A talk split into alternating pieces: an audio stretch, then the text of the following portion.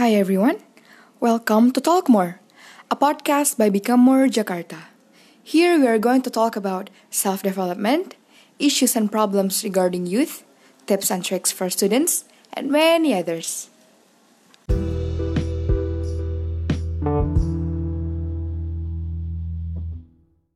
Hi Becomers, welcome to another episode of Talk More. Hari ini kita akan menjelaskan tentang how we can start conversations about issues yang sedang beredar in our community.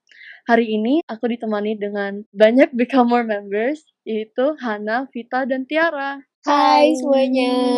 Hai guys. Hai guys. Kalian memperkenalkan dulu. Oke, okay. uh, halo semuanya. Kenalin aku Vita, aku board membernya Become More. Seperti yang lainnya sebenarnya Zahra, Tiara, dan Hana. Uh, hai guys, uh, nama aku Hana. Aku uh, board member Become More. Kadang ngejabat jadi content creator, kadang juga graphic designer. And hello, My, uh, nama aku Tiara. Aku juga board member. Kerjanya ya di project-project gitu deh. Iya, jadi kita semua we're part of an organization namanya Become More. Dan Become More memiliki this podcast show namanya Talk More, which aku dan Mala host. So, um, kita ingin mendiskusi tentang pentingnya untuk start conversations because as we all know terkait dengan isu yang sedang berada di social media, Black Lives Movement, Papua Lives Matters Movement, we believe that with the platform that we have yaitu Talk More, we have the responsibility to educate our audience the importance of starting conversations, educating yourselves, and realizing the importance of these issues that are prevalent in our society. Jadi uh, kalian mau share experiences dulu? Uh, Sebenarnya gini sih, karena apalagi in the middle of this pandemic, kita kan kayak 24 per 7 with our family gitu kan, sama orang tua kita kayak nggak mungkin banget nggak ada perbincangan soal isu-isu yang lagi beredar akhir-akhir ini gitu kan dan uh, kerasa banget sih kayak dan menurut gue juga akhir-akhir ini uh, ya emang lagi banyak banget lagi chaos banget gitu dunia nggak hmm. cuma Indonesia banget kan dan hmm. sering banget sih ngobrol sama orang tua segala macem kayak ngomongin soal current issue dan uh, gini sih apalagi gue kan bedanya sama kakak-kakak gue tuh umurnya cukup jauh ya 10 12 hmm. tahunan kayak tau lah berarti orang tua gue tuh baby boomers lah jatuhnya kayak hmm. uh, kelahiran 50 60 70-an lah gitu. Dan hmm. perbedaan uh, umur yang sangat jauh ini tuh bikin apa argumen kita yang kadang suka bentrok gitu kan kayak ya, uh, pola banget. pikir kita yang suka bentrok ya kan pasti semua orang banyak banget yang ngerasain soal kayak gini karena ini udah udah yang kayak uh, orang tuh banyak banget bilang tuh kenapa sih ini orang tua gue mikirnya kayak gini bla bla bla bla bla gitu kan atau kayak kenapa sih ma bapak gue uh, kalau broadcast berita-berita atau segala macem di WhatsApp tuh kadang gak make sense segala macem gitu ya karena hmm. kalau menurut gue pribadi gitu kan adanya bentrok argumen opini segala macem atau juga kayak lo dapet broadcastan informasi dan berita yang kadang gak make sense dari orang tua lo karena exposure mereka ke berita-berita atau informasi yang kredibel, yang akurat itu nggak seluas kita gitu kan. Karena hmm. Dan di satu sisi kita juga nggak bisa menyalahkan pola pikir mereka karena dalam hal ini juga kita harus akui bahwa setiap orang tuh punya background yang berbeda-beda untuk bisa mempersepsikan suatu hal yang sedang terjadi gitu kan.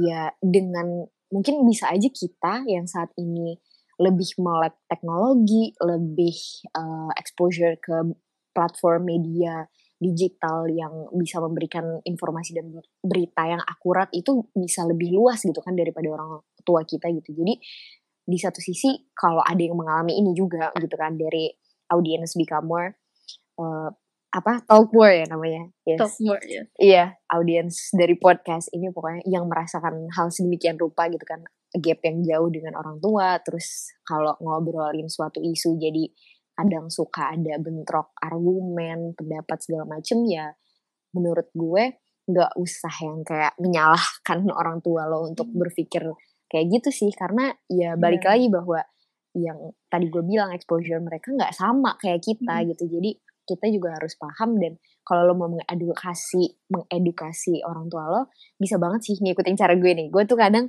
uh, suka minjem HP-nya terus misalnya bokap nyokap lo seringnya apa nih pakai platformnya YouTube atau mungkin Instagram atau Facebook segala macam coba lo pakai uh, sosial media mereka terus lo coba follow followan atau subscribe Oh uh, iya. channel atau akun yang emang iya. menurut lo lebih apa ya kredibel lebih akurat kalau Hmm, ngasih info gitu iya. dan coba lo unsubscribe yang kayak gue nggak mau mendiskreditkan sih cuma kayak kadang Hmm. ada yang namanya uh, Tribun News tau gak sih lo yang kayak Iya. atau cumi-cumi Iya, atau iya. nama akun-akun yang suka apa kayak info hot segala macem yang dari graphic design-nya udah bikin sakit mata gitu kan yang banget ya. kontroversial banget gitu itu lo Iya. unsubscribe gitu karena ya biar loga apa logaritma nggak tuh lagi belajar logaritma gue algoritma mereka echo chamber mereka di sosial media tuh jadinya mengarah ke hal-hal yang ke platform media yang lebih lebih Credible ya. kredibel heeh, Mm-mm. gitu sih Mm. kalau kalau gue pribadi gitu dalam Iya sih. memulai Eh, kalau aku sendiri, em, aku udah pernah speak up kan di IG soal tentang Papua sama Black Lives Matter dan kebetulan emang ketahuan sama bokap nyokap gue, Hmm, which is pretty sad karena kayak emang bokap sama nyokap gue selalu menentang speak up di sosial media karena kayak Hmm. di- eh, mereka takut eh, apa namanya gue bakal diancam lah, kena UU ITE lah, ya and uh, things like that, you know, kayak what parents are afraid of. Tapi menurut gue, there's no such thing as a sensitive issue. You're just being too afraid to speak up about it.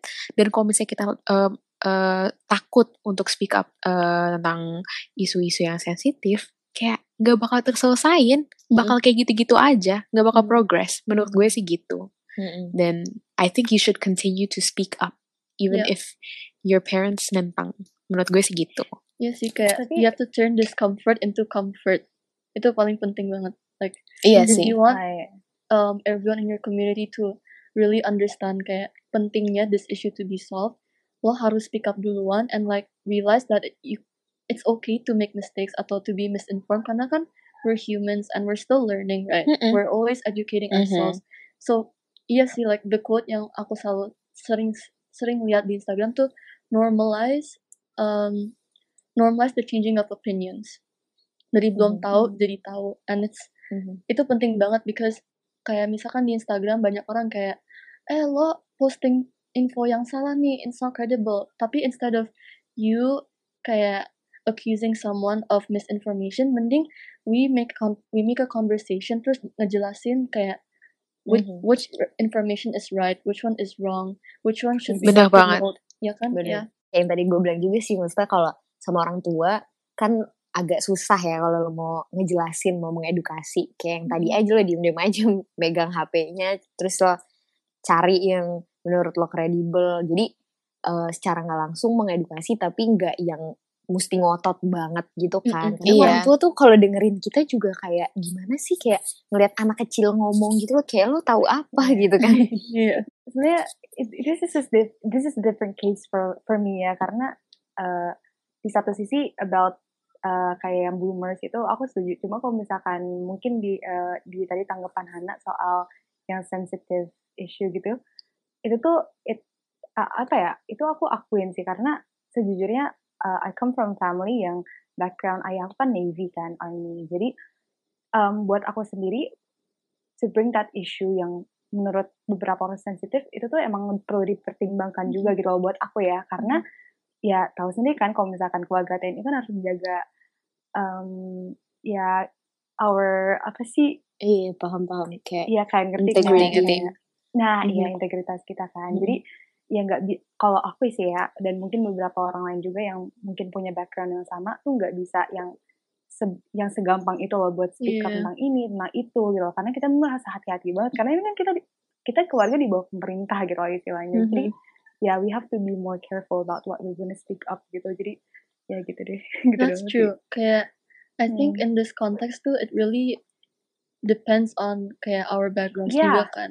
Bener bener. Kayak bener misalkan banget my my parents mereka tuh sangat involved with like WhatsApp. So then mereka tuh sering dapat information that's like kayak very hoax type gitu. So mereka they Mhm. believe more towards those kind of information. Terus dibanding dibandingkan gue that's like bringing information dari social media and like kayak misalkan credible website yang aku cari online mereka tuh kayak maybe kayak intimidated or like mereka tuh kayak hah tapi kan aku di WhatsApp nggak Iya, ini kayak there's like very different Iya. perceptions especially karena kita generasinya beda and like Mhm. exposure-nya Yeah, beda yeah, like what you said so really it's very hard for some people sih So, uh, why do we need to speak up? Soalnya tuh, uh, speaking up tuh very important buat ngeedukasiin orang, buat fixing misconceptions yang ada di uh, uh, mindset-mindset orang. Dan untuk orang-orang yang nggak biasa ngeliat orang lain speak up, I think uh, menurut gue ya nggak usah maksa untuk speak up. Yang penting jangan tutup mata sama rasisme itu sendiri. Itu that's the most important thing sih menurut gue.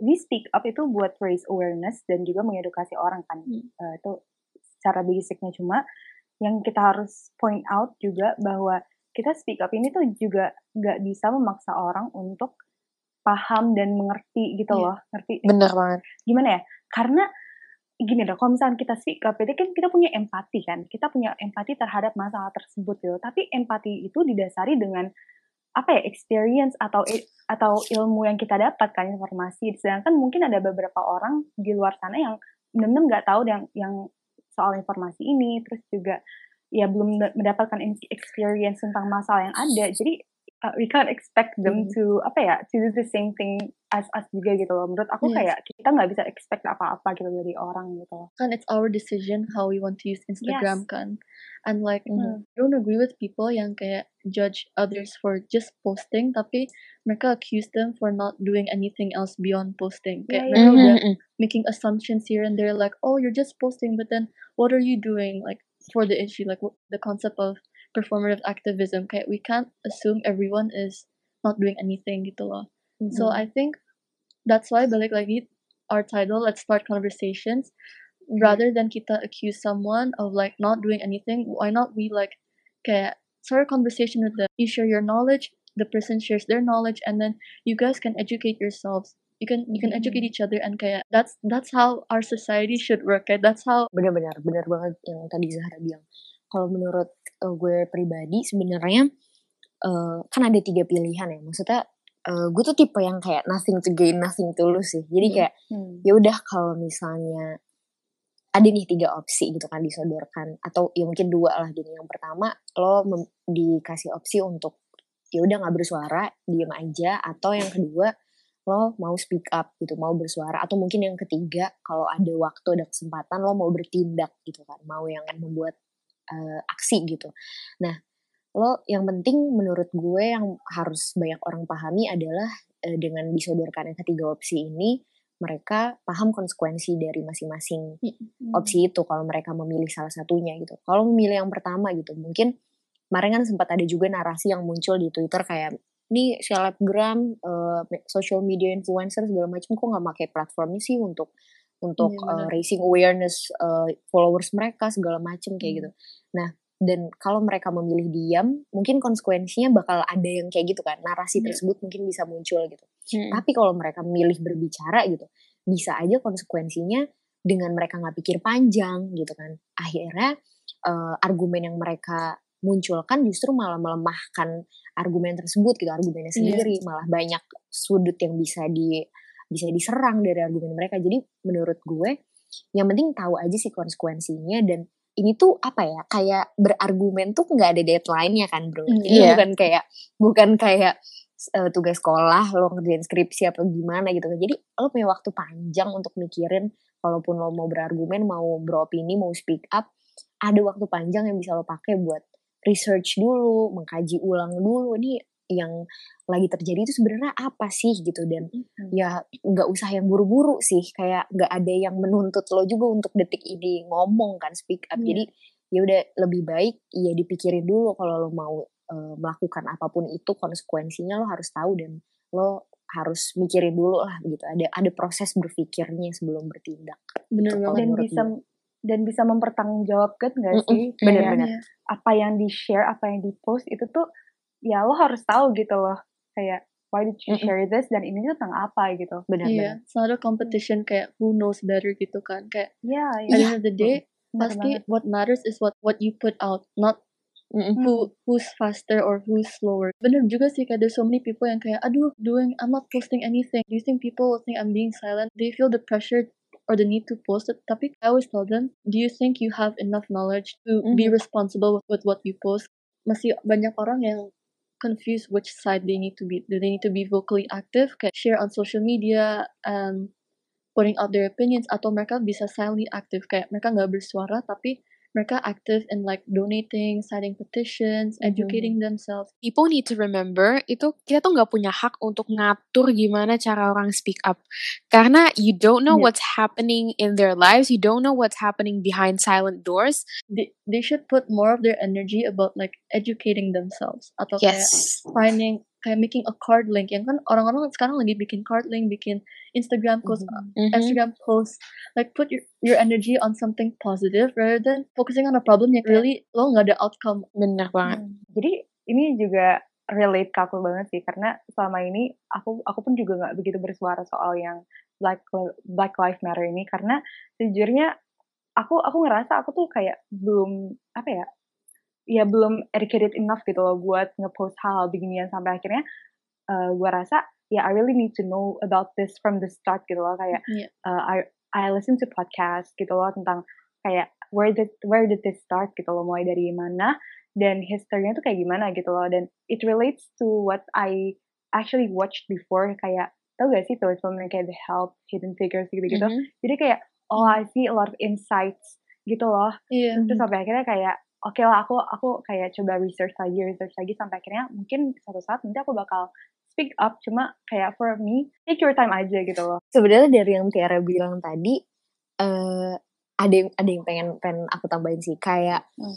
eh aku tuh lebih apa ya lebih eh, respect sama orang-orang yang lebih mendewakan proses eh, berpikirnya mereka proses mereka belajar eh, gimana caranya mereka mau mengkaji memperdalam dan mempelajari pola pikir orang lain di luar sana yang juga berargumen soal isu ini dan eh, berusaha untuk dapetin itu dari orang-orang yang mungkin uh, berada satu level atau mungkin beberapa level di atas mereka gitu. Jadi ada pola Hmm. pikir baru yang mereka bisa pelajarin gitu dan nanti dari situ mereka bisa cari kayak yang tadi Tiara bilang gitu kan. Dari situ mereka bisa cari uh, mungkin ada ide baru, ada gagasan baru yang bisa mereka uh, temuin dan bisa mereka kaji ulang dan dari situ Hmm. ada uh, ketika mereka nanti mau berargumen, argumen yang mereka keluarin nggak yang itu-itu aja karena Iya. jujur ya Iya. aku bukan tipe orang yang seneng yang yang apa ya maksudnya yang kayak kalau emang udah rame udah ada ribuan orang ratusan orang ngomongin hal yang sama dengan topik yang sama substansi yang sama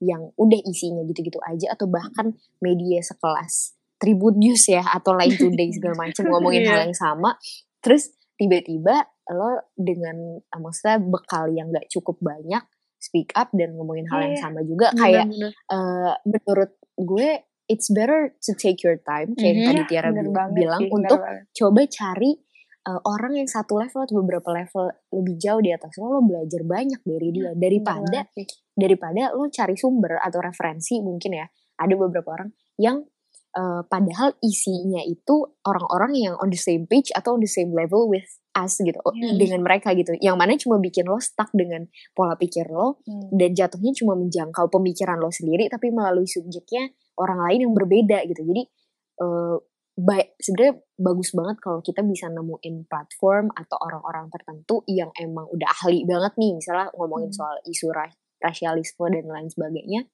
terus dari situ lo bisa belajar banyak gitu karena Hmm. mereka udah berada di level yang jauh dari lo dan mengkaji itu butuh waktu yang lama kan jadi ya Hmm.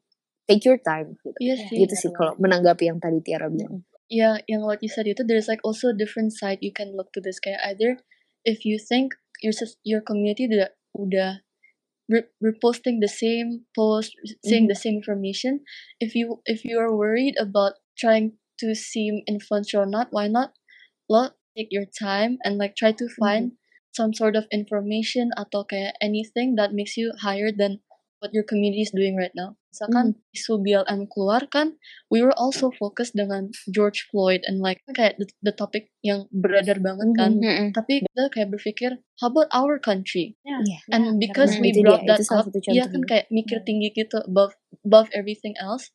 Itu that's also influential too. Aku yang malah pada mikirnya akhirnya berujung ini malah diangkat Iya, gitu kan jadi si diangkat. Black apa Papuan Lives Matter Mm-mm. ini Iya, iya, iya. Dan kat- Aku malah mikirnya tuh gak cuma yang Black Lives Matter, gak cuma George Floyd, gak cuma orang Papua, tapi kayak in our society kayak saya kayak Chinese gitu, iya gak sih? Iya.